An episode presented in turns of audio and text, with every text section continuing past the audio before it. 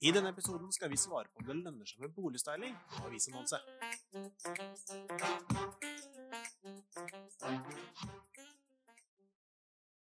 Velkommen tilbake til Meglerhverdagen. I dag avis og styling. Lønner det seg, Hans Christian? For det er en kostnad. Penger ut, penger igjen. Mm. Hvor, Ja. eh, når skal man bruke avis, og når skal man bruke styling? Eh, avis. Vi må huske på at finn.no er jo en svært rimelig markedskanal som når veldig mange.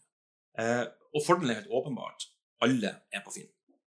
Eh, utfordringen er at det er veldig mye som ligger på Finn. Og spesielt i en storby som Trondheim og Oslo så gjør folk selekteringer. De kan ikke gå gjennom 2000-3000 boligannonser. Så mange har sånne, de, de har noen innskrenkninger på, på de her søkene sine. Eh, to soverom, 100 kvadrat, maks 5 millioner. Og i denne selekteringa så kan attraktive objekter eller aktuelle objekter faktisk faller utafor uten at det er bevisst. Hvis man ser for seg vi skal ha en, leilighet på 100 kvadrat, så vi begynner fra 100 til 150. Og så er det dritfin leilighet på 98 kvadrat, som egentlig passer behovet deres 100% Men så har de kanskje vært og snublet i en leilighet på 90 kvadrat med helt dritdårlig planløsning. Så tenker jeg at det her er fall altfor lite for oss, vi må på 100. Men planløsning har så mye å si at arealet trenger ikke nødvendigvis altså Kvaliteten på arealene er viktigere enn enn tallet. Eh, Og da kan du miste potensielle kjøpere. Og så vet vi at spesielt i målgruppa eh, eldre mennesker eh, og eneboligkjøpere i Trondheim, Nesten halvparten av eneboligkjøpere kjøper bolig ikke tilfeldig, men de er ikke nødvendigvis på boligjakt. Og når man da blar i avisa og leser nyhetene om det ene og det andre, og så kommer det opp en eiendom I spontankjøp, egentlig. ja, faktisk.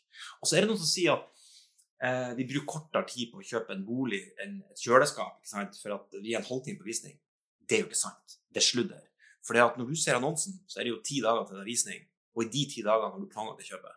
Du drar opp i gården, du har kanskje privatvisning, du kjører opp og ned, du sjekker litt med skole, solforhold, du leser prospektet, du snakker med megleren. Så kjøpet starter lenge før visninga. Visning også er bekreftelse. Mm. Så avis, tenker jeg, noen målgrupper, typisk eh, eneboliger som, som, som går til altså, familier som skal bo i en enebolig permanent, som er litt sånn til og fra på boligjakten sin. De, den type bolig må i avis, syns jeg. Og så syns jeg de her eldre kjøpere som også blar i avis, eh, at du kan treffe kjøpere som ikke nødvendigvis er så aktive på Finn som ungdom. Altså, jeg har en, jeg husker ikke hva det heter på engelsk nå, det, eller det der allemannstilstedeværelse. At hvis du plutselig ser en på Finn, og så sier ja, den er sett, og så plutselig snakker kompisen din om den, Mm. og så ligger den i avisa på jobben, Mm. og så får du søren meg høre av mora di som har ikke Mm. du morddag etter den, Ja. og så er det plutselig fire kanaler, Mm. pepra inn, Mm. og min tanke er liksom, hvis du skal selge da, eh, jeg, jeg skal være helt ærlig, hadde jeg solgt sjøl, så hadde jeg brukt en helside i avisa. Mm. Jeg gjorde det sist. En gang. Ja, du gjorde det, ja. Eh, og det er fordi at det, kostnaden ved å miste en budgiver. Den kan være enorm, Mm. tenker jeg. Mm. Og så tenker jeg, skal jeg bruke 100 120 130 000 på boligsalget? Mm. Om det blir 138 Mm. eller 120 Altså, det har ikke så mye å si. Ja, okay. Men den skal jo være litt sånn Har du en liten borettslagsleilighet? Jeg vet ikke. Hva hadde du gjort da? Nei, altså Nei. Jeg kjører ikke de små leilighetene i avis. Altså, du har argumenter med, med foreldre som på en måte er og ser, også det her du får den, her, den gjentatte effekten. Du har kanskje sett den på Finn, så har du sett flere på Finn, og så legger de litt bort, og så skal du kanskje få se på noe, og så plutselig ser du en avis, ja faen, det var den jeg så, og så går du tilbake på Finn, og så får du den tilbake.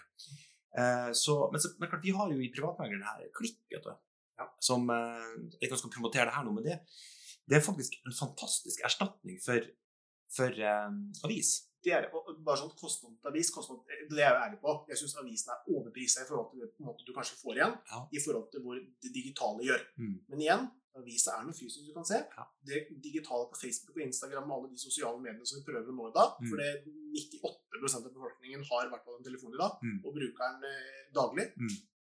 Det er viktig å synes der òg. Bruker du bilbelte når du kjører bil? Ja. Har du krasja ofte? Eh, nei. Nei. Men hvis du krasjer, Ja, så er det greit å ha belte. da er det greit. akkurat. Og det er jo litt sånn, men Den har du tenkt lenge på. Den som er fin. Hva sa du? Den har du tenkt lenge på. Nei, nei, nei, jeg kom på noe. Jeg er så impulsiv, jeg tenker ikke på noe, jeg.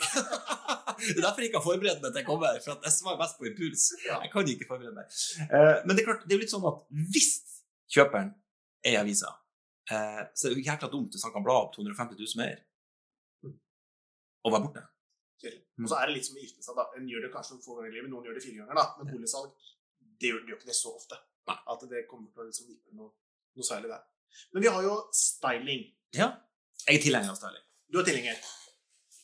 Ja, følelser, vet du. Følelser har så ufattelig mye å si på beslutningen av et boligkjøp.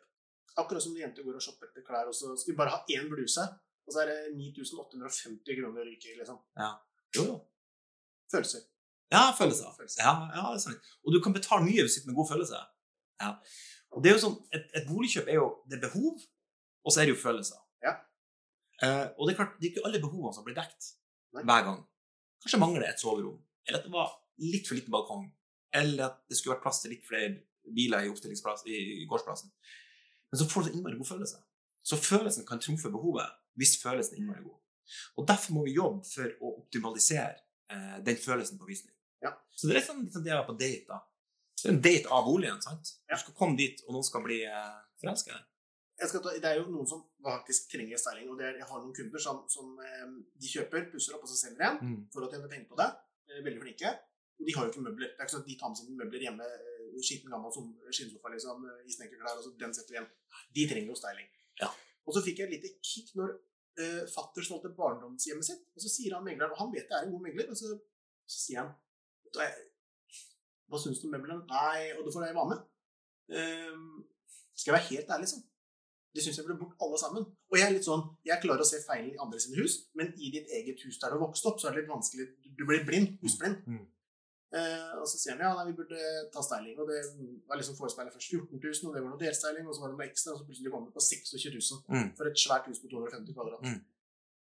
Han fikk det, Han la det huset ut til 3950, og så fikk han 4650. Mm. Det, det var egentlig billig steiling, det. Mm. Ja. Fordi alle syntes det huset var så fint. Og Ja. jeg er sånn Ja, det er fint hus, men det var jo den, Når den skinnsofaen forsvant, Mm. og de møblene Og de, han hadde trommer i stua Mm. altså det, er ikke, det gjør seg ikke på visning. Nei.